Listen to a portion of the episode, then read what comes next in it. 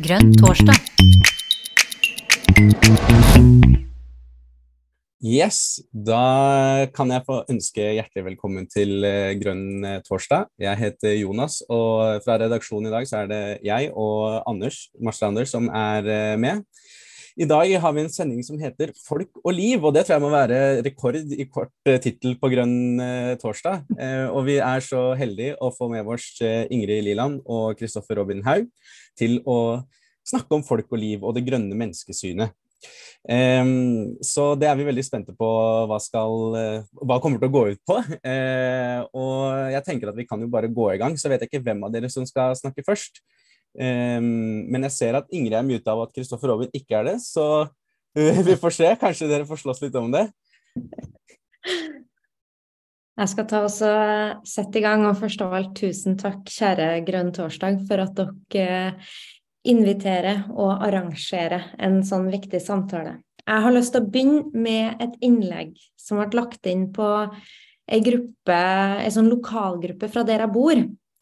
Eh, der ja, folk av alle mulige tilhørigheter og interesser deltar i diskusjoner om Rørvik, den plassen jeg kommer fra. Og det er en som heter Kjell, som la ut denne posten i går. Og den lyd som følger. Vår lille plass på denne jord, altså Rørvik, den blir bygd ned med mannmus og mor. Sorry språket.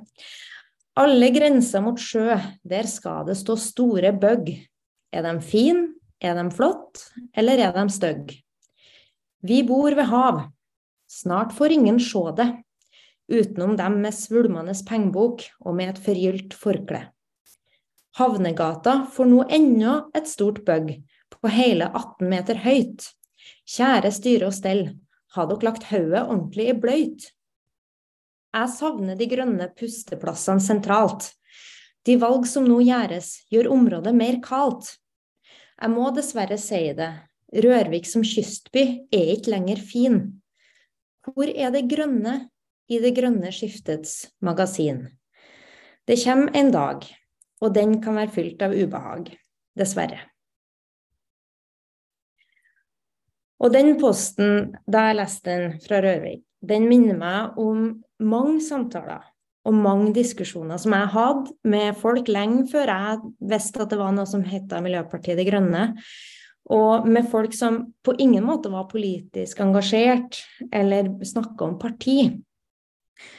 Det var diskusjoner med folk som brydde seg om plassen sin, som brydde seg om bolyst, som brydde seg om møteplasser, og at det skulle være mulig å være forskjellig og interessere seg for, for forskjellige ting, men også møtes og ha det bra i lag.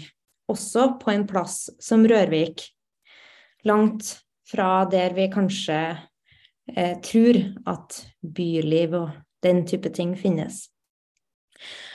Og jeg syns at det er eh, et, en god plass å begynne samtalen om det grønne menneskesynet, for det jeg tror mange politikere, uavhengig av parti, har lett for å tro at folks verdier og det de bryr seg om, det kommer til syne en gang annethvert år i hva de stemmer på. Eller til syne i hva man protesterer mot. Men jeg tror at eh, det er langt mer som beveger seg blant folk, enn det vi som politikere får bevist gjennom stemmeseddelen. For hvis vi tror eh, at folk bare er det de stemmer på, så blir jo samtalen om mennesket litt fattig. Jeg mener nemlig at eh, det grønne menneskesynet det tar utgangspunkt i at folk det er ålreite dyr. Mennesker er folk som eh, vil seg sjøl og hverandre og omgivelsene sine vel. Eh, vi er sosiale dyr, men vi er også dyr som er gode på samarbeid.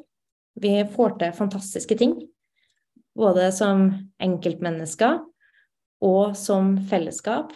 Og ingen får til noe alene.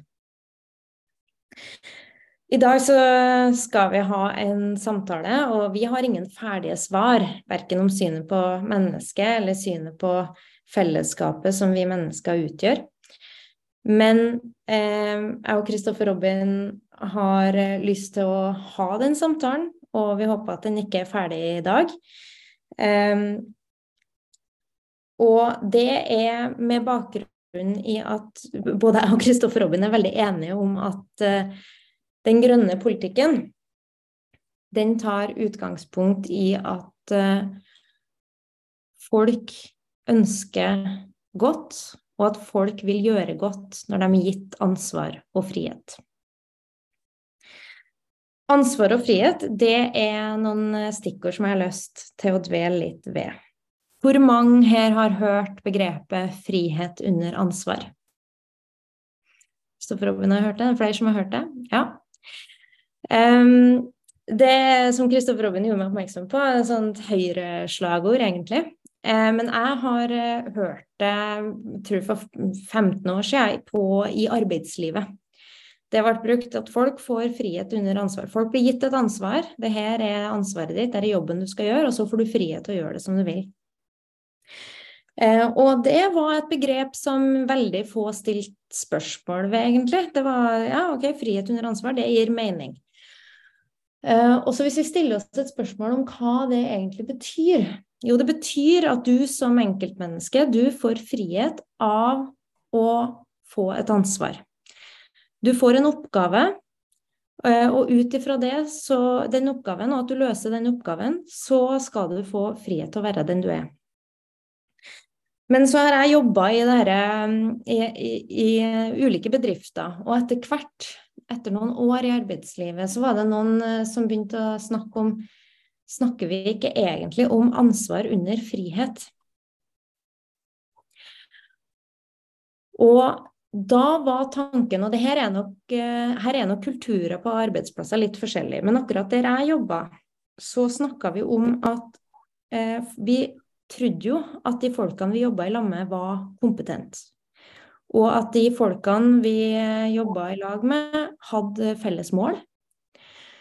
Eh, og at folk i stor grad ønska å nå det målet og jobbe for det målet. Så vi lurte på, hvis vi heller, i stedet for å si nå får vi masse ansvar, og så kan dere løse det som dere vil, så tenkte vi la oss heller gi frihet. Og så tar folk ansvar gjennom å få friheten til å finne ut hvordan problemer skal løses, hvordan vi kan samarbeide på best mulig måte, og hvordan vi sammen kan nå målene. Og nylig så har det slått meg om ikke det kanskje er noe av kjernen i det grønne menneskesynet, i motsetning til en del andre menneskesyn. La oss ta arbeidslinja som eksempel som har blitt heftig diskutert de siste ukene. Mye av den norske velferdsstaten baserer seg på at så lenge du deltar i arbeidslinja og deltar i samfunnet og fellesskapet på den måten storsamfunnet har bestemt at du skal, så skal du få frihet. Frihet fra fattigdom, frihet fra eh, helseutfordringer, frihet fra mye, eh, skal du få gjennom at du deltar i f.eks. arbeidslivet og i all hovedsak arbeidslivet. Men noe av det som, har, som gjorde at den grønne bevegelsen eh, starta, og den grønne ideologien vokste fram, var nettopp en anerkjennelse av at kanskje er ikke sånn at vi starter med svaret på hva fellesskapet bestemmer at du skal gjøre, og så får du frihet gjennom det. Men nettopp at vi tror at ved å gi folk frihet i størst mulig grad, så vil folk også ta ansvar for seg sjøl og fellesskapet. Nå er det sånn at den samtalen som jeg og Kristoffer Robin, og jeg håper alle som deltar i dag, skal være med på, det, noen, det skal ikke resultere i noe fasitsvar. Eh, det her er en samtale til refleksjon. Men det spiller inn på hvordan vårt forhold til makt, hvordan vårt forhold til demokrati og deltakelse og fellesskap eh, er. Jeg har lyst til å nevne et eksempel som jeg syns er litt artig. Eh, og det er eh, noe av eh, Jeg vet ikke om noen har sett musikalen 'Hamilton'? Er det noen som har sett den? Nei, OK. Fantastisk. Se den, men jeg skal gi dere en henvisning. en referanse derfra. for Hamilton handler om starten på amerikanske, den amerikanske nasjonen under revolusjonen, og med resultat at de bryter med Storbritannia, eller England, den engelske kongen, og de starter sitt demokrati. Så var det mange som var imot at det skulle bli et demokrati, men det får bli en annen diskusjon. Men i denne musikalen så blir det gjort et poeng ut av at eh, George Washington bestemmer seg for å ikke stille til gjenvalg. Og alle rundt George Washington mente jo at det her var helt idiotisk. Skal du ikke stille til gjenvalg? Det er jo ingen som kan måle seg med deg. Men han sa jo I'm gonna teach them how to say goodbye, sier han. Eh, og i den musikalen, og det er derfor dere må se den, så er det en fantastisk scene der den engelske kongen, som da har mista sitt eh, Amerika, eh, men så hører at George Washington faktisk trer til side for å slippe andre krefter til. Og han reagerer jo for det første med 'men i alle dager, eh, er det mulig å si fra seg makt'? Og det neste var 'men i alle dager, det er jo ingen som kan måle seg med George Washington'. Og når han da til slutt får høre at det er John Adams som skal ta over, så sier han 'stakkars mann, they're gonna eat him alive'. Og det er sånn at eh, en eh, vesentlig del av den grønne ideologien har handla om en eh, kritikk mot maktkonsentrasjon. Og i andre enden en eh, kjærlighet for eh, menneskelig frihet, og både for små og større fellesskap å kunne organisere seg sjøl i stor grad. Og det står som en motsats til en tru på at folk trenger sterke ledere som har alle svar, og som skal legge til rette for at folk kan ha gode liv. Det er lett å være kynisk. Det er mange eksempler på at mennesker gjør vondt mot hverandre, og ikke minst mot natur. Men jeg tror at fellesskapet og samfunnet, gjennom å gi frihet, også gir ansvar til at vi bygger fellesskap der vi er gode mot hverandre. Og så har jeg lyst til å gi ballen videre til Kristoffer Robin. Og så håper jeg at vi kan ha en veldig god samtale om hva som skal til for at vi bygger på de drivkreftene i oss som vil hverandre vel. Tusen takk, Ingrid.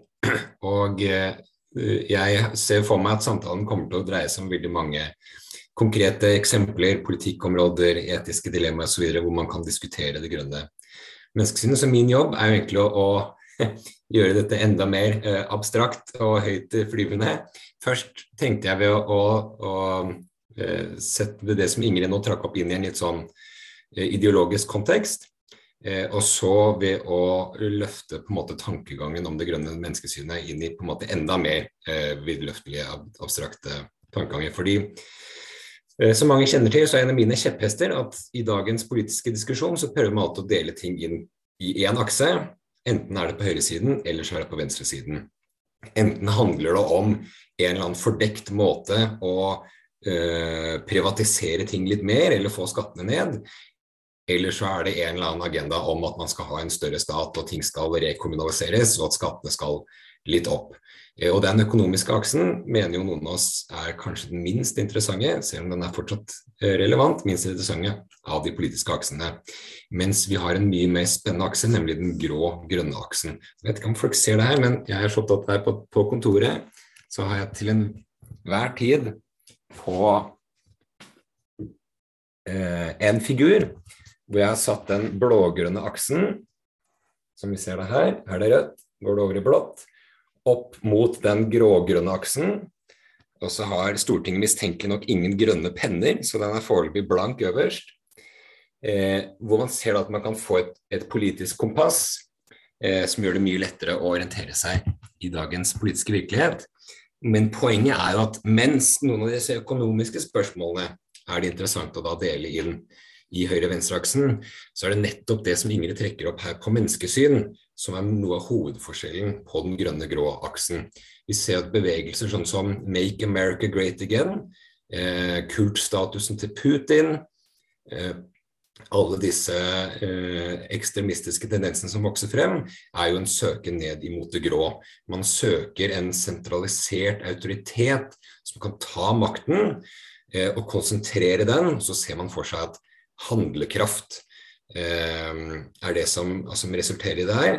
Og at samfunnet skal styres av en elite. Den eliten har gjort seg fortjent til å styre gjennom maktkamp, og de skal da beholde den makten, for de har da vist seg og gjort seg fortjent til å ha det ansvaret å styre den maktutøvelsen, som gjør at den friheten de har til å utøve makt over andre, er noe de har gjort seg fortjent til. Mens jo lenger opp i det grønne du går, jo mer ser du da på at den friheten er mer en rett eh, som er gitt oss fra eh, fødselen av. Eh, sånn at da kommer alle tankene inn om grasrotdemokrati, eh, om eh, flertallsstyre, folkestyre, om å spre makten nedover. og at folk skal da få frihet til å kunne ta ansvar, at vi skal ha mer tillit til våre medmennesker. Og så vil jeg trekke det enda eh, litt lenger og si at det her henger jo også sammen med vårt utvide soliditetsbegrep. Eh, fordi jo lenger ned i det grå man kommer, jo mer snevert blir på en måte menneskesynet. Hvem er et egentlig menneske?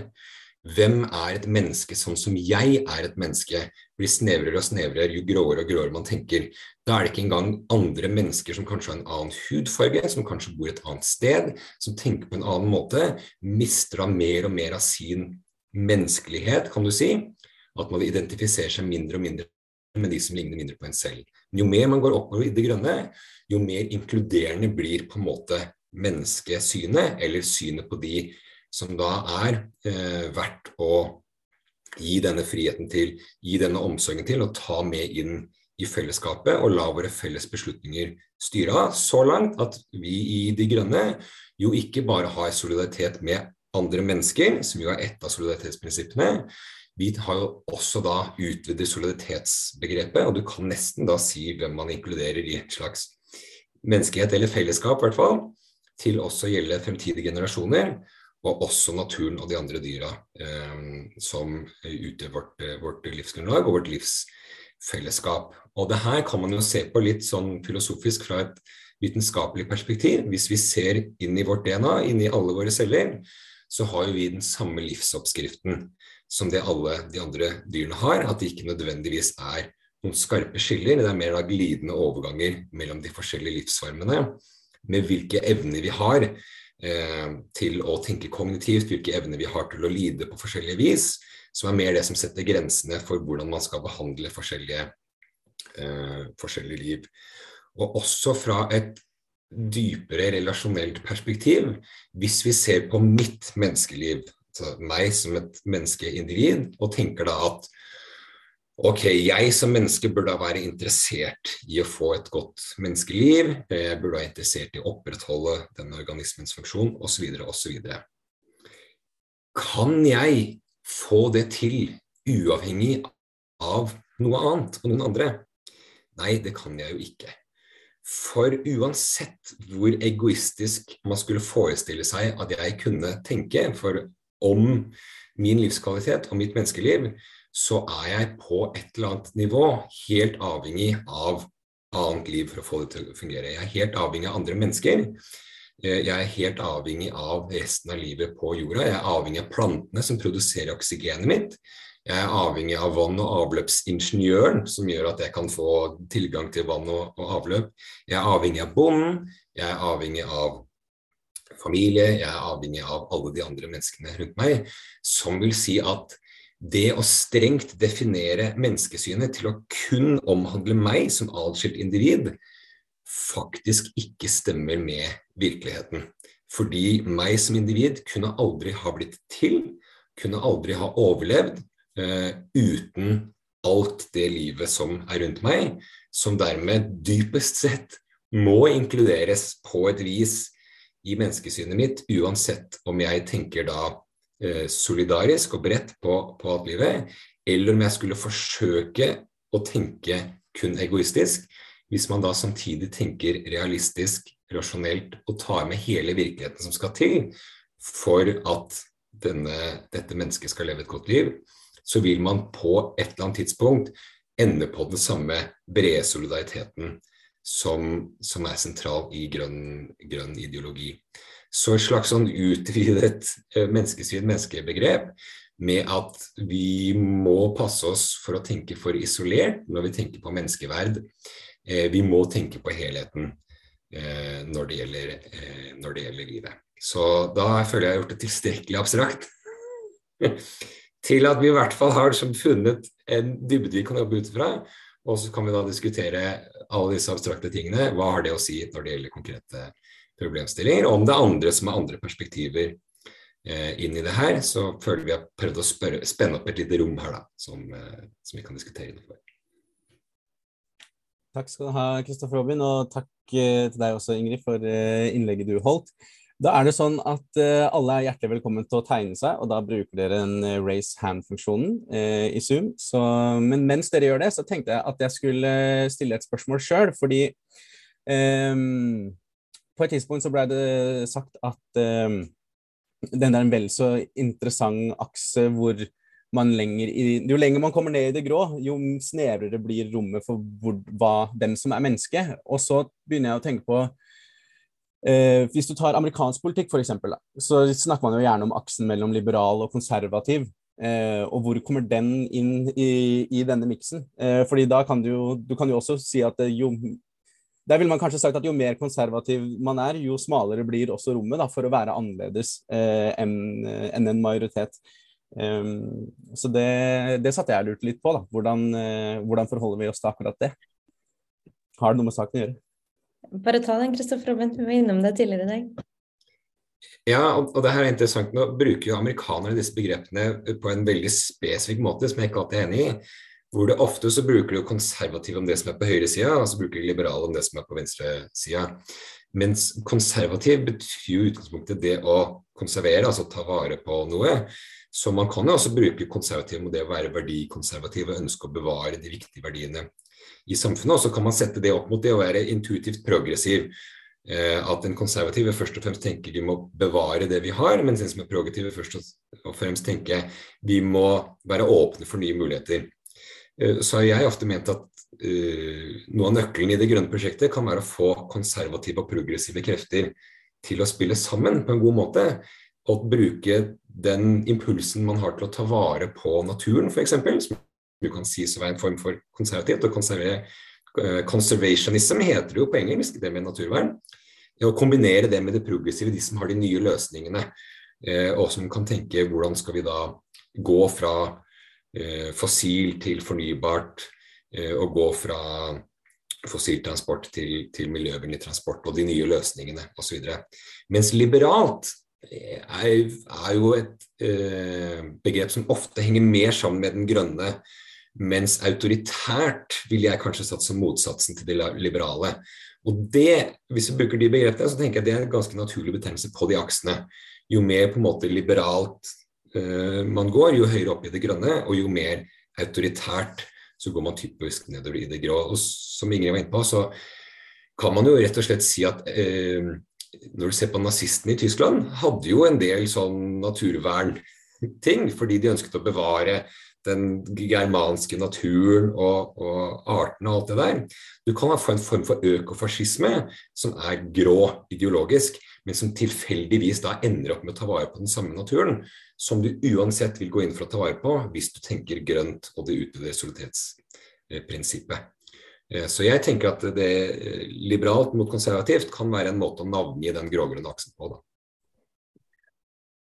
Ja, jeg, kan jeg bare legge til um, veldig kjapt For det, det er noe vi har snakka om som også skiller den grønne polen mot den sorte er, som Kristoffer Robin var inne på, er behovet for kanskje litt sånn tvangskonsensus. Eh, der jeg har lyst til å bare, Det er en bok som heter 'De nasjonale strateger', der eh, det er skrevet litt om Arne Næss eh, og den jobben han gjorde også under andre verdenskrig. Og en del av Arne Næss sin eh, misjon i hans vitenskapelige liv var å fremme meningsbrytning i akademia som noe genuint viktig. At nettopp det som For du vil finne grønne og, og det jeg vil kalle eh, vennlige syn, både på den konservative og den progressive aksen, eller på, både på det eh, blå og det røde. Eh, mens jo nærmere grått du kommer, jo mer ønsker man at, eh, at alle skal være enige. Eh, og, og, en viktig del av det grønne menneskesynet mener jeg, er å akseptere at der vil det være meningsbryting, og det skal være meningsbrytning. Takk skal du ha, Ingrid. Da har vi fått eh, to hender i været. Da er det Birgitte først, og så er det Sjur etterpå. Vær så god, Birgitte. Ja, tusen takk. Ehm, jeg vil gå fra det abstrakte til det veldig, veldig konkrete. Nemlig rammene rundt livet, enten det gjelder mennesker eller dyr. For det som er veldig typisk for vår tid, det er at vi har fjernet menneskene fra så godt det lar seg gjøre, fra ytterpunktene for livet. Fødsel og død er til de grader institusjonalisert. Det er også vekst, modning og aldring. Og vi ser på vekst og modning, det er liksom positive fortegn, mens aldring det har fått et negativt fortegn. For det står liksom for forfall. Um, mens Odd Nordstoga synger om en farfar i livet skulle alle ha eh, å løfte frem det positive ved aldringen, nemlig kunnskap, kompetanse, erfaring. Eh, og mm, du snakket om Kristoffer Robin, tilbake litt til det abstrakte. da, Dette med rødt og blått og grønt og grått. Um, nå skal jeg banne litt i kirken, og så skal jeg si at uh, en del av MDGs uh, synlige menneskesyn er for meg veldig grått. Eh, og jeg tror det handler om at vi har rett og slett ikke hatt diskusjonen høyt i partiet i, og i grasrota hva er livet? Uh, og vi har noen ganske hårreisende selvmotsetninger. og Jeg skal ikke ta opp debatten, men jeg skal bare peke på det. Vi har problematisert aktiv dødshjelp men vi har aldri snakket om hva våre eldste skal få lov til å dø av. Og det er et vanvittig mye større problem og forårsaker utrolig mye mer lidelse hos eldre, veldig syke, veldig demente mennesker. At de ikke får lov å dø av en lungebetennelse som kommer som en velsignelse. Men de skal behandles med antibiotika for 15. gang noen ganger. Mange steder. Um, vi har også de store motsetningene i partiet vårt, hvor noen mennesker syns det er helt greit å øh, hekte en meitemark på en krok og fiske en fisk. Altså en sprellende, levende meitemark. Man trer en krok gjennom, fisker en fisk og spiser fisken. Um, mens andre syns at det er hårreisende behandling av liv. Mens de som trer meitemarken på kroken og spiser den fisken, syns kanskje at senabort, det skulle MDG aldri gått inn for. Mens de som vil ta vare på meitemarken, tenker at senabort, det bør MDG gå inn for. Selvvalgt senabort. Og Det er noen sånne ganske heftige motsetninger. da, At vi tar kampen for rensefisk i anleggene, men ikke for uh, fosteret f.eks. Selv om et foster på tolv uker ikke ser ut som noe annet den, på denne jord enn et bitte lite menneske. Um, og du sa Kristoffer Robin at vi har fra fødselen av så har vi disse rettighetene. Men det kommer an på når du er født. For hvis du er født før 24. uke, så har du ikke betegnelsen menneske, og du har ikke menneskeverd. Du har ikke rett på omsorg, lindring eller en verdig død. Enten det er en, uh, enten det er en tilfeldig, altså en, en, sen abort som oppstår av naturlige årsaker eller sykdom, eller den er selvvalgt. Og enten den er selvvalgt fordi det ikke passer, eller fordi mor ellers holder på å dø, så har dette lille fosteret, som av og til kan leve eh, opptil en time etter fødselen, ingen menneskerettigheter i det hele tatt. Eh, dette er det vanskelig å ta opp, men jeg tror at akkurat det vil være en god sak for MDG. Å si at uansett hvorfor du blir født i 20. uke, så skal man ha menneskeverd hvis man da ikke er død ved fødselen. Sånn at man kan få lindring og omsorg og nærhet og Eh, en verdig død, fordi det er det som venter. Og så er det mye snakk om de eldre for tiden, hvordan de har det. Uh, og jeg jobber jo nå som fastlege. Jeg har jobbet som anestesilege i en hel karriere før jeg har begynt på en ny. Jeg har også vært lege nå på to-tre forskjellige sykehjem i løpet av et drøyt år. Uh, og snakker mye med pårørende om veldig gamle mennesker som er veldig syke, og hva skal de få lov til å dø av. Og det mange sier det er at vi har hatt så masse vikarer, men det er ingen som tør å snakke med oss om dette. For vi har, vi, vanlige mennesker ser jo ikke at folk dør lenger, sånn som man gjorde før. Man levde i små samfunn og hvor alle aldersgrupper var en del av lokalsamfunnet. Og det, Der peker jeg igjen på noe som jeg på en måte tenker at MDG begynner å nærme seg, men som vi kan gjøre enda mer. Og det er å si nei til apartheiden i vårt samfunn. For det er et betydelig apartheid hvor barn, små barn, er plassert i barnehager, litt større i barneskoler, og så er de i ungdomsskoler, og så er de i videregående. Og kun i små bygder så er barne- og ungdomsskoler ofte sammen. Eh, og det er også kanskje der de synger på sykehjemmene. Og hvorfor har vi ikke skolekjøkken på sykehjemmene? Det ville vært fint, det. Nå har Spart masse altså De kjøkkenene på sykehjemmene de har vi også eh, mange ganger fjerna, men nå er det mange som snakker om å få det igjen. Hvorfor vi har liksom segregert menneskegruppene, og fødsler er institusjonalisert. Få føder hjemme, relativt få. og det tror jeg kanskje kan være lurt for ganske mange, fordi at eh, fødsel er risiko. Eh, og vi snakker mye om barsel og fødselsomsorg, men veldig mange dør eh, med bare ja, Du er heldig hvis du har de pårørende rundt deg. Men det er ikke sånn som det var før, at alle kom på besøk fordi man skal liste seg og være stille uten å ha spurt noen gang den som dør. Vil du ha det stille når du dør? Og bare én til å holde deg i hånden.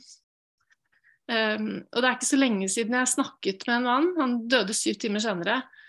Og han sa han ikke hadde det vondt.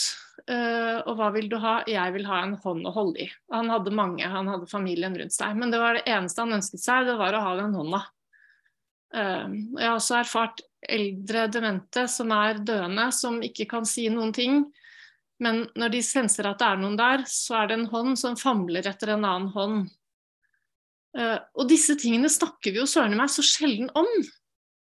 Men det er jo rammene rundt livet, og hvordan skal vi snakke om liv hvis vi ikke snakker om rammene, og hva er meningen med livet? Fordi jeg tror at hvis vi, hvis vi skal være troverdige som et grønt parti, så må vi våge å snakke om disse tingene, og vi må ta det dypt i partiet. Nå er det 13 stykker som er med her. Vi har 10 000 medlemmer i partiet vårt. Uh, og vi må ta denne praten på grasrota i lokallagene.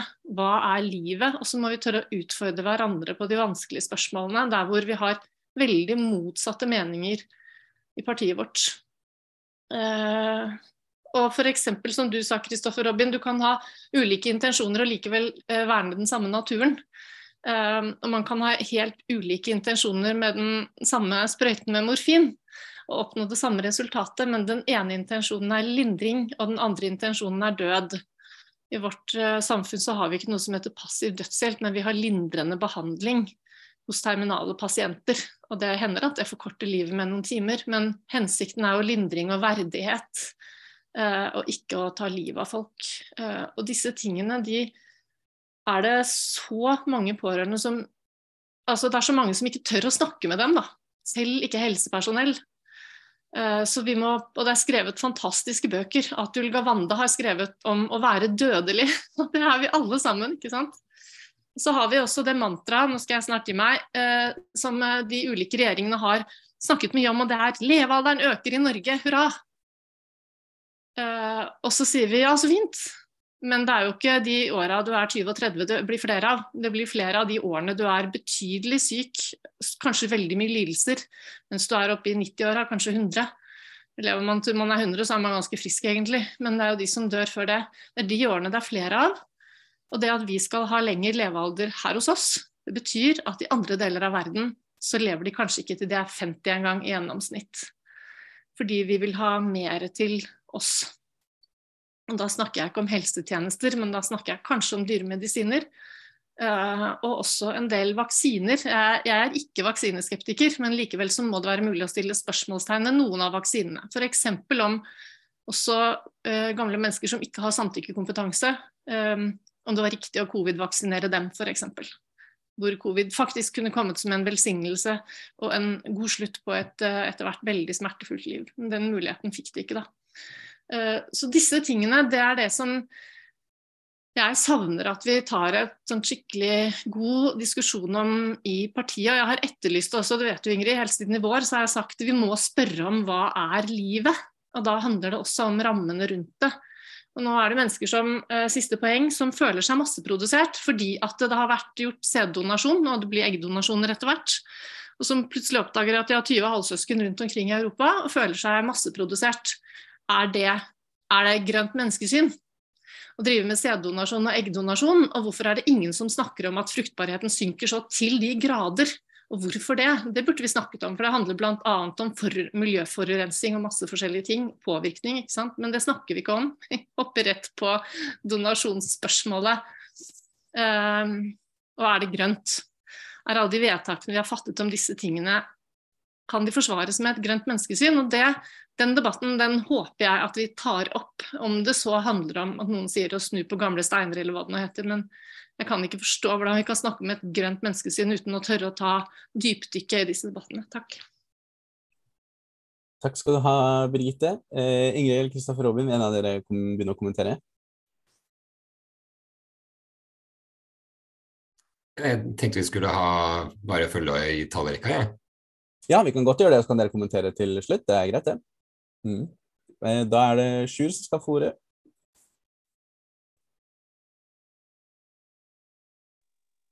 Ja, altså Det var veldig mange viktige spørsmål og problemstillinger. Eh, altså, jeg ble veldig inspirert av, av innledninga til Ingrid og Kristoffer Robin. Eh, fordi jeg etterlyste denne samtalen lokalt og og i offentlig samtale eh, ganske lenge, egentlig. Fordi jeg tror det er veldig viktig at vi har denne samtalen om det som ikke jeg vil kalle grønt, men økologisk. Og jeg har lyst til å løfte det her med økologisk litt. Spesielt siden vi nevner Arne Næss og, og vi snakker om de her dype, grønne tingene. Eh, og jeg ble intervjua av en valgkomité til et styre i Trøndelag i går. Og da sa jeg at grunnen til at jeg er grønn, og har vært det hele livet, eh, født som Blekkulf-generasjon eh, eh, Og jeg er født i 1980, når vi slutta å reparere ting. Og jeg er nå 42 år i de årene vi skal begynne å reparere ting igjen. Og restaurere verden vår og menneskeligheten vår. Eh, og jeg føler at det vi gjør her nå er dypt filosofisk, og jeg tror at vi som grønn bevegelse og grønt parti og økologisk bevegelse må begynne å bruke ordet økologisk oftere. Eh, det handler også både om eh, økologisk jordbruk, som vi er veldig vant til å snakke økologisk om, og mat, og, som er veldig sånn popkulturelt eh, normalisert. Vi må også snakke om eh, økologiske liv eh, blant mennesker, økologiske liv i naturen. Et økologisk livssyn, en økologisk økonomi. Og eh, det økologiske som det pragmatiske, grønne, filosofiske nullpunktet mellom alle interesser man har mulighet til å observere og ta til følge.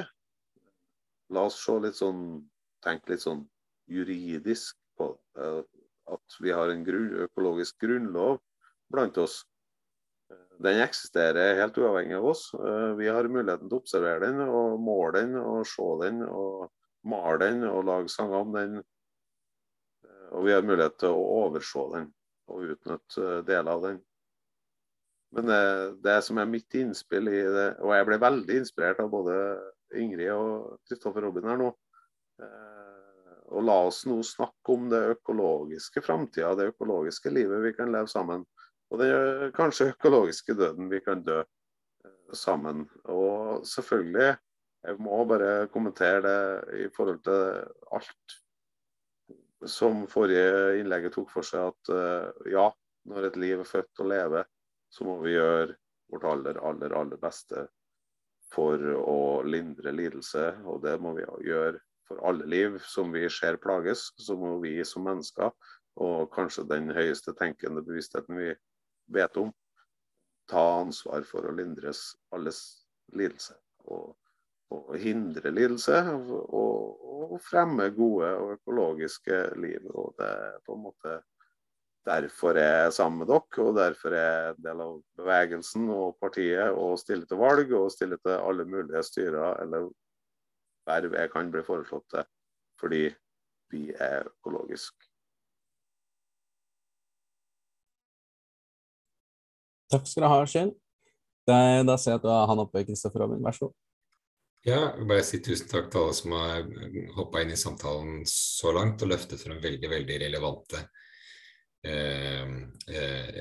og tankevekkende refleksjoner eh, rundt det. Det er jo dypøkologien til Arne Næss, som jeg føler du også peker mye på, Sjur, eh, er jo på en måte det jeg vil kalle den grønne delen av, av spekteret. Eh, også, for hvis du tenker Nå snakker vi om, om menneskesyn, og når man på en utvider menneskesynet, så blir det mer og mer økologisk. Så kan man også si at hvis du ser på økologibegrepet, eh, men også utvider det mer og mer til det menneskelige liv, så kan man jo si at eh, vårt slagord om et, eh, vårt ideal da, om et medmenneskelig samfunn i økologisk balanse, kan det egentlig bare oppsummere til å si et økologisk samfunn, eller et samfunn basert på økologiske prinsipper. Eh, og så er det spørsmålet om hvordan, eh, hva skjønner folk med ordet økologisk, hva er det lettere å få dem til å forstå det menneskevennlige også, da. Eh, også litt sånn som Birgitte trakk opp en, en, del ting, hvor jeg tenker at en fellesnevner her er, som Ingrid var litt inne på, at når man går som det er lett for oss mennesker å gjøre, da, å falle ned i, i den grå tankegangen, og det er en av mine sånne kjepphester. Når jeg prøver å tegne opp dette veldig rene ideologiske landskapet, er jo at ethvert parti har jo elementer fra alle sammen. Vi som parti har jo øh, noe rød politikk, vi har noe blå politikk, vi har noe grå politikk. Øh, vi har noe grønn øh, politikk. Det har alle partier med forskjellig, forskjellig miks av det. Så når man havner nedover i det grå, så handler det ofte om et ønske om kontroll. Eh, som da igjen ofte er basert på frykt. Og det å ønske å kontrollere livet, ønske å kontrollere døden eh, Alle de tankene om at man må holde fast på et liv så lenge som mulig, er en veldig sånn kontrollbasert tankegang.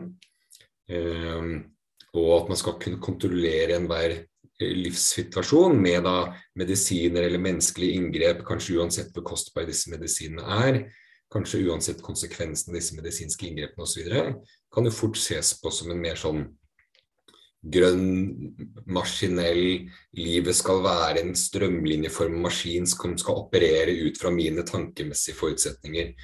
Hvordan, hvordan, dette skal være. og Da begynner man også med typisk sånn kjennetegn, er å putte ting da i bokser. Sånn compartmentalizing, uh, er det, det er sikkert et godt norsk ord på det, men i båssetting, vil man kunne si med det å skille menneskegrupper fra hverandre i alder osv. Og, så og så skal man da ha et sånn sømløst uh, tankekast på å flytte seg mellom disse boksene, og det er da et flott liv uh, hvor alle er da isolert i sånne tanker om uh, renhet og den type ting er jo også noe som typisk hører med i den, den grå kontroll-tankegangen. Så veldig mye bra eksempler på hvordan Eh, vårt eh, ofte genuine menneskelige ønske om å forsøke å kontrollere våre omgivelser. Og det er jo en del av menneskenaturen til en viss grad. Så det er ikke at alt det skal er negativt sånn sett, men det gjør oss sårbare for når det blir for angstfylt og for fryktbasert, at vi prøver da klamre oss fast og ta kontroll over aspektet av livet. Og da må vi ta kontroll over andre grupper, vi må ta kontroll over andre arter, og vi må legge naturen under oss eh, fordi den er skummel og farlig, og vi kan dø i naturen. Eh, så, så skaper vi oss et sånt eh, et sånt samfunn hvor vi isolerer oss i en slags sanitert maskinutformet boble for å skjerme oss fra dette skumle, naturlige Eh, økologiske livet, som kanskje ikke er så forutsigbart som det rene maskinelle, maskinelle livet. Da. Og så sitter vi her, eh, og etter å ha gjort all den harde jobben, og kjenner etter ble vi egentlig lykkelige av det her, og så ble vi kanskje ikke det. Og det er jo noe av det som er eh, den dypere appellen til oss da, som har litt tro på dette økologiske, dette grønne livet, at når vi mennesker virkelig kjenner etter, så kjenner vi kanskje at det er mer der vi hører hjemme i det mer naturlige enn i det veldig strengt eh, kontrollerte. Takk skal du ha, Kristoffer Oven. Da er det Ingrid, vær så god. Takk. Det er veldig mange uh, spennende spørsmål som trekkes opp, og jeg tror jo at noe av det som Birgitte nevner som jeg tror er veldig viktig for for oss å ta tak i, er jo Er målet og det som gjør mennesket lykkelig og fritt, at livet ikke er strevsomt? Og jeg mener at det er en av de mekanismene som kanskje gjør at, at utviklinga så langt har skjedd på det jeg vil si ikke først og fremst grønne premisser, er nettopp et løfte om at livet og samfunnet til enhver tid skal prøve å fjerne strev fra enkeltmennesket, fjerne strev fra lokalsamfunnene. Enten det handler om at vi ikke skal trenge å, eh, ikke skal trenge å jobbe for helsa, eller eh, jobbe for å ha det bra, jobbe for å ta vare på hverandre. Eh, men målet er at vi skal streve minst mulig, og på den måten få eh, lykke og gode liv. Og jeg mener at det er nettopp derfor for meg det med ansvar under frihet er et poeng. Og nå vet jeg at Birgitta har jo skrevet en del om det som jeg har lest også, da. Som jeg er litt inspirert av. Eh, og som er noe med at eh, jeg tror veldig på at folk ønsker hverandre godt, og at hvis folk får frihet til å ta ansvar for hverandre, så vil folk også jobbe hardt for å nettopp ta ansvar for seg sjøl og omgivelsene sine. Og jeg var i høst i Colombia, og jeg har lyst til å eh, fortelle om et bondesamfunn som jeg besøkte der.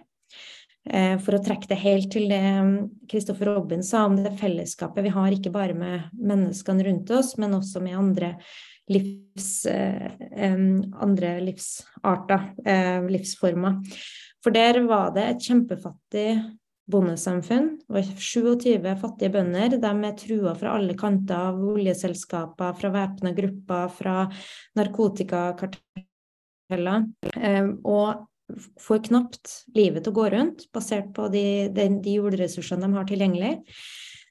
Eh, og i stedet for å kjempe mot hverandre og kare til seg mest mulig, så har de gått sammen, organisert seg, eh, og ikke bare samarbeidet dem om eh, livsgrunnlaget som de har, og lager mat sammen og organisere seg for politisk påvirkning og eh, forsvar for menneskerettigheter.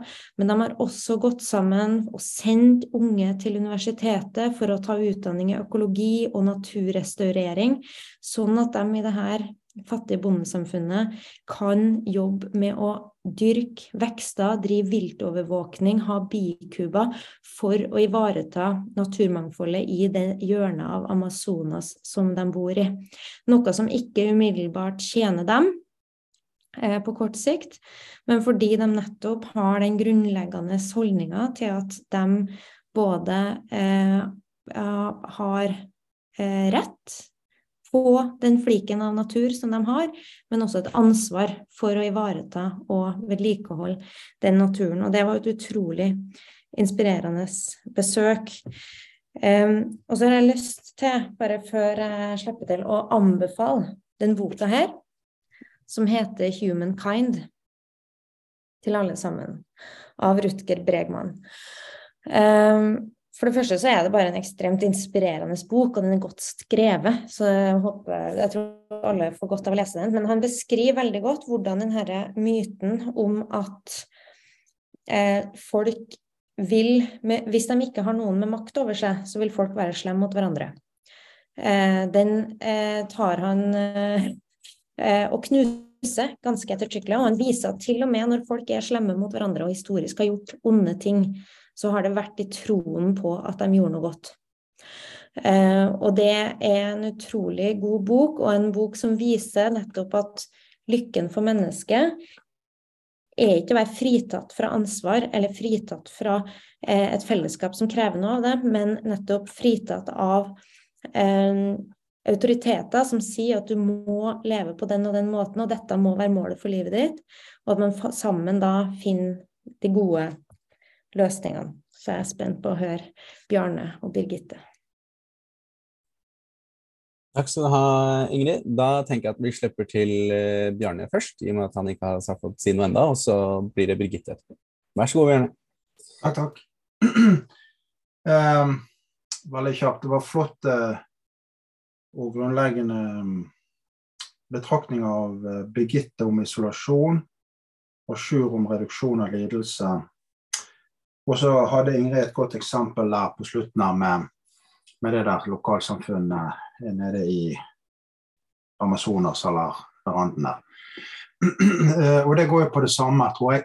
De der små stammesamfunnene de opplever ikke den isolasjonen som vi ofte gjør i dag. Eh, og det tror jeg kan være kanskje problem nummer én i dagens samfunn. Det er en form for isolasjon.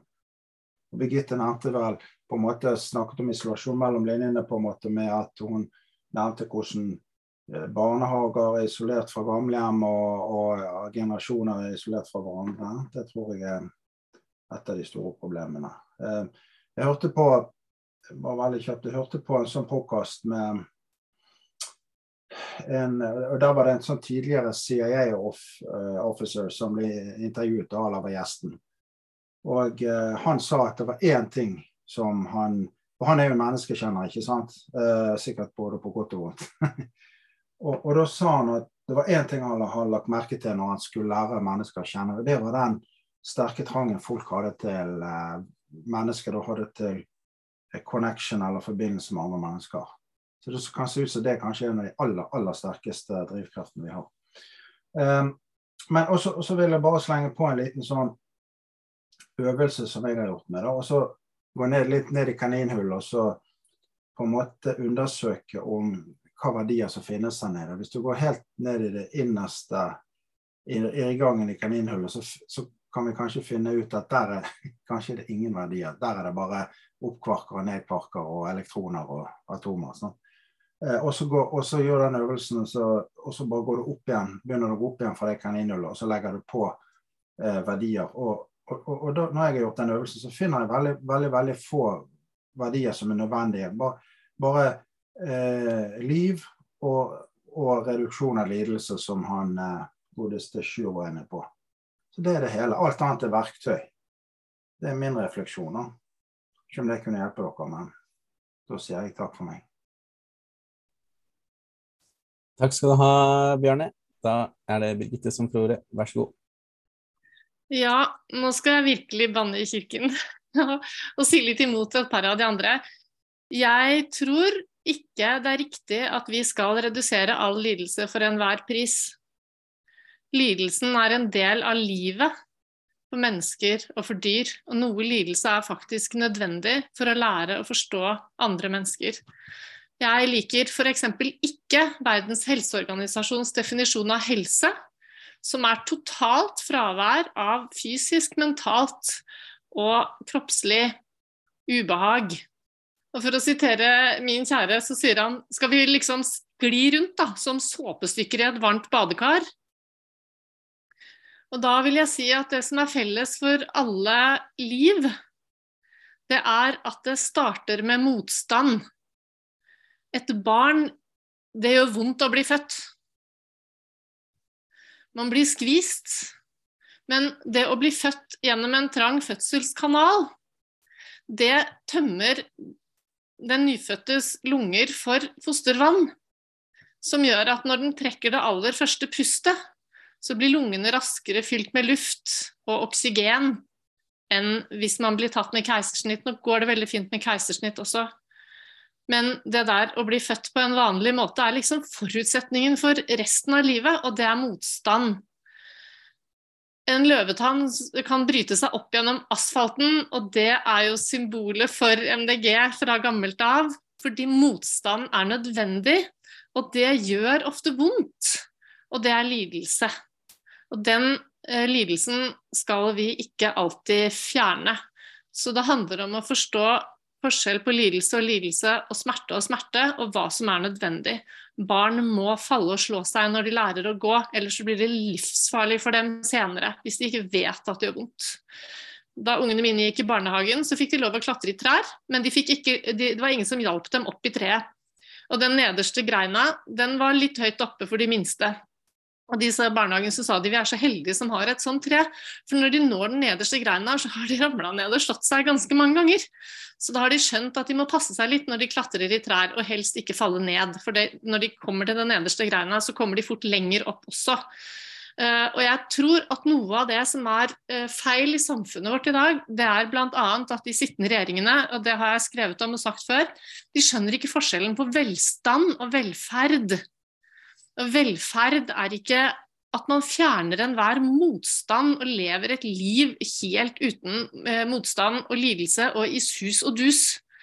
Eh, velferd er noe annet. Det er at man farer vel gjennom dette livet og har støtte i smerten Støtte i sorgen, støtte i lidelsen, når lindring ikke alltid er mulig. Den er mulig på slutten av livet, selvfølgelig. Da gir vi jo grenseløst eh, mye smertestillende, og det skal vi. Men vi, det kan vi ikke gjøre underveis, ikke sant? Fordi da Det går ikke. Så det er ikke all sykdom og skade som vi kan forebygge. Det er ikke alt vi kan lindre, det er ikke alt vi kan reparere. Og det er mennesker i samfunnet som lever med mye smerte, og som fastlege så må jeg av og til bare være en klagemur, en de kan komme til når det er altfor tøft, og lytte og ta imot og hjelpe det jeg kan, men også tåle å se at jeg, jeg, her er det ikke noe jeg kan gjøre, det er ikke noe sykehuset kan gjøre, men vi kan snakke om det. Hva kan vi gjøre for å, for å lindre? Men vi kan ikke fjerne alt. Og Hvis vi i vårt samfunn skulle fjerne alt som het lidelse herfra, og det tror jeg vi har gjort altfor mye, for det går på bekostning av natur, ikke sant. Åh, det er så tungt! Og, og, og det er så innmari tungt. Og det gjør så vondt i musklene etter at jeg har makt snø, så jeg kjøper meg en snøfreser istedenfor, selv om jeg egentlig har både muskler og kropp til å måke den. Og det koster forurensning, det koster metaller, det koster naturen.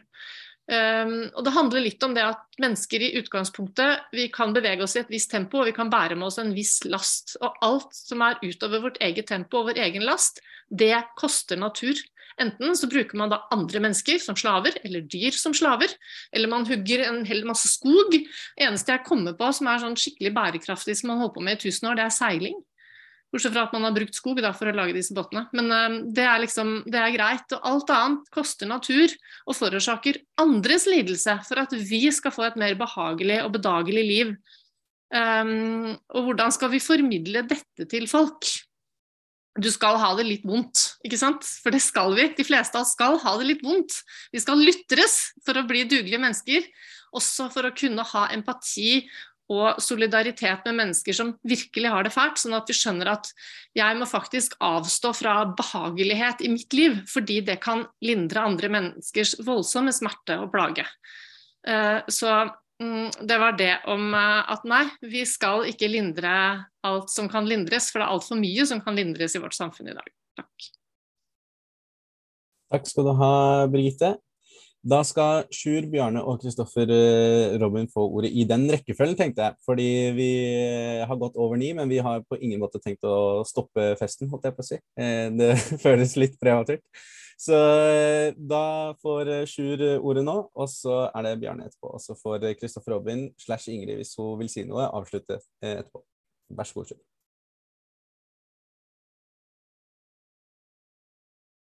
Nå er du muta.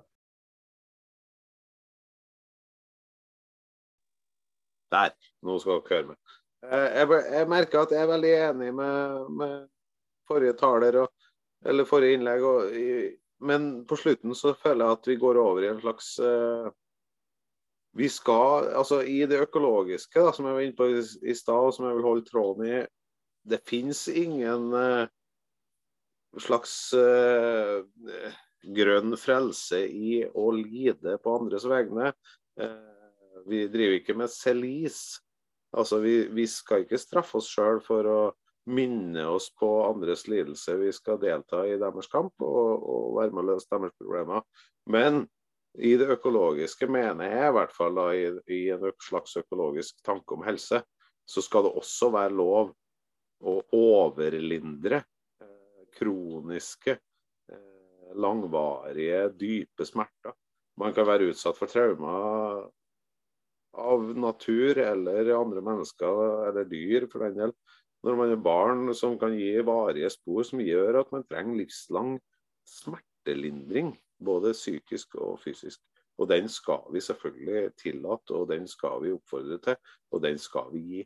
Eh, det finnes ingen objektiv verdi i lidelse. Eh, ja, det gir perspektiv, men eh, det finnes også andre måter å oppnå perspektiver i empati og medfølelse. Så oppsummeringa om at eh, et slags vedvarende ubehag er en verdi i seg sjøl, den vil jeg sterkt bestride og påstå ikke er eh, dypøkologisk tankegang. Fordi jeg vil tilbake litt til det Ingrid sier om, om uh, frihet. At vi skal sjøl også få lov å definere vår frihet. Og nei, vi skal ikke leve på tross av andre. Vår, vår, vår livsførsel skal ikke gå på andres kostning. Men det skal være lov, og det skal være mulig, og det skal være eh, opplyste veier til å lindre sin egen lidelse. Eh, både i eh, akutte situasjoner, i sorg, i, i, i, i smerte for skade, i smerte for alvorlig sykdom, men også i et livsløp. Fordi en livslang smertelindring eh, kan, eh, kan gi høyere livskvalitet. Også i alderdommen og for dem som ønsker å leve lenge, og som ønsker å leve med sine sykdommer lenge, så skal det også finnes en, en verdig vei til et langt liv gjennom å lindre sine plager. og Det skal være lov hele veien. Men men, men du løfter du, du, du, Altså, jeg bestrider ikke det du sier, men, men, men jeg syns det er viktig å, å si at uh, en livsvei er aldri forhåndsdefinert, og alle har sin egen. Takk. Takk skal du ha, Sjur. Da er det Bjarne, vær så god. Ja, ja. um, jeg var enig med Birgitte der at uh, hadde du tatt vekk all lidelse, så hadde vi jo dødd av et papirkutt, uh, tenker jeg. Og så videre og så videre. Um, så det er jo ikke noe absolutt verdi der. En annen ting, liksom dette med liv. Jeg har tre barn. Uh, og nå, nå med farfar Jeg har sett og hørt litt for mye på Sam Harris, Richard Dawkins, uh, Gabor Maté på, på YouTube-videoer. Men Eh, jeg har tre barn, så da kan man stille spørsmålet hvorfor ikke fire eller fem barn? Betyr det at jeg ikke verdsetter liv høyest eller høyt? Så, så, så, det, så sånne spørsmål det fører, føres til at det finnes ikke noen verdier helt nederst i, i kaninhullet. og det er jo litt bra, en bra ting, på en måte. For, um, så, det vi det, ble det var kanskje derfor det ble vanskelig å, å bygge noe som alle kan være enige om. For det er ikke noe sånn finnes ikke noen sånn verdi helt nederst i kaninhullet. Så da så, så, så, så, hva skal vi gjøre, da? Sant? Vi, vi må eh, Ja. Jeg får avslutte med det spørsmålet. her. Stort spørsmål å avslutte med, Bjarne. Takk skal du ha. Ja. Eh, da så jeg en hånd hos deg i stad, Kristoffer Robin. Da har du jo lyst til å si noe? Ja, jeg tenkte kanskje det passet at jeg og Ingrid tok av vår lille kjappe avslutnings det passer veldig bra. Ting, og takk for en flott eh, diskusjon, som jeg jo håper er starten på en stor og bred diskusjon i, i partiet om nettopp da det grønne eh, verdiene og menneskesynet. Og jeg syns det var spennende vi kom inn på her det med Så syns jeg fortsatt Birgitte sa det veldig fint, men du har lidelse og lidelse.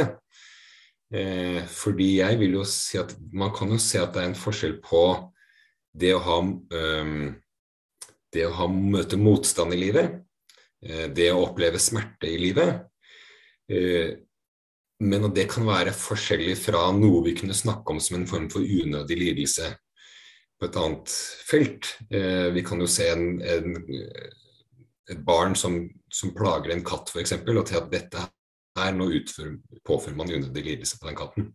Så noen av de tingene, selv om det er vanskelig å definere, som Bjarne sa så flott, at når vi kommer helt ned i kaninhullet, så er det vanskelig å trekke skarpe linjer mellom, mellom, ting. Men så har vi samtidig en slags følelse av at jo, det er noe motstand som det er sunt å oppleve. Det er noe smerte som det er, er viktig å oppleve i livet. Det er en del av livet. Det hadde ikke vært det samme uten. Men så er det også noe som er unødig lidelse.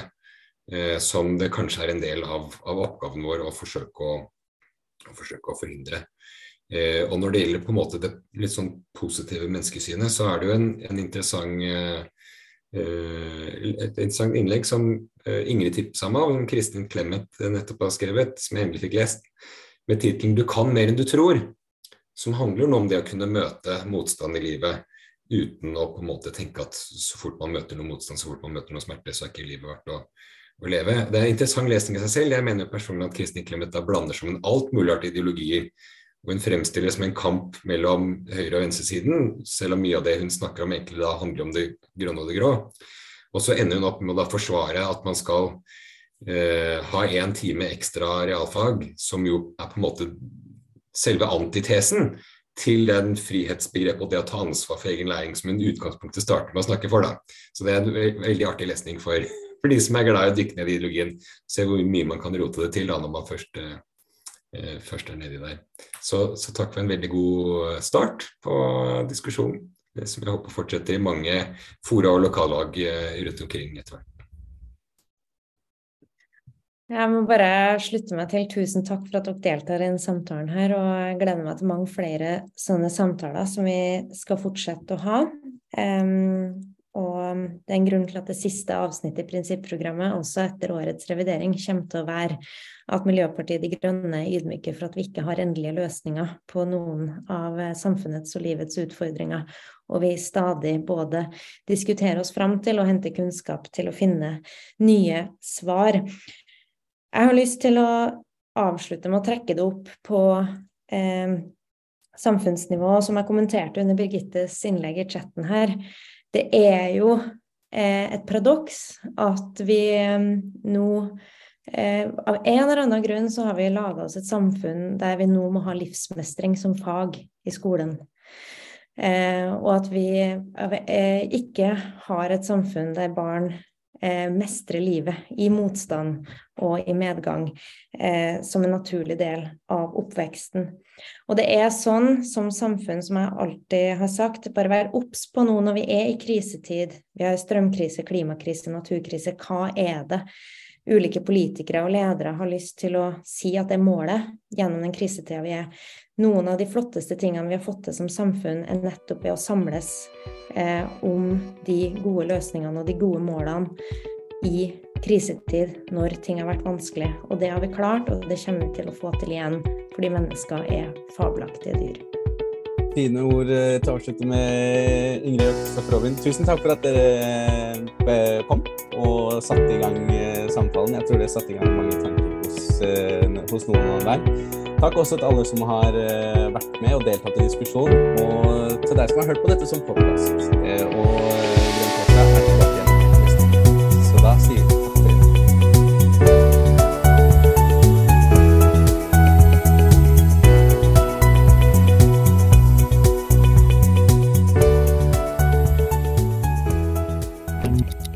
torsdag.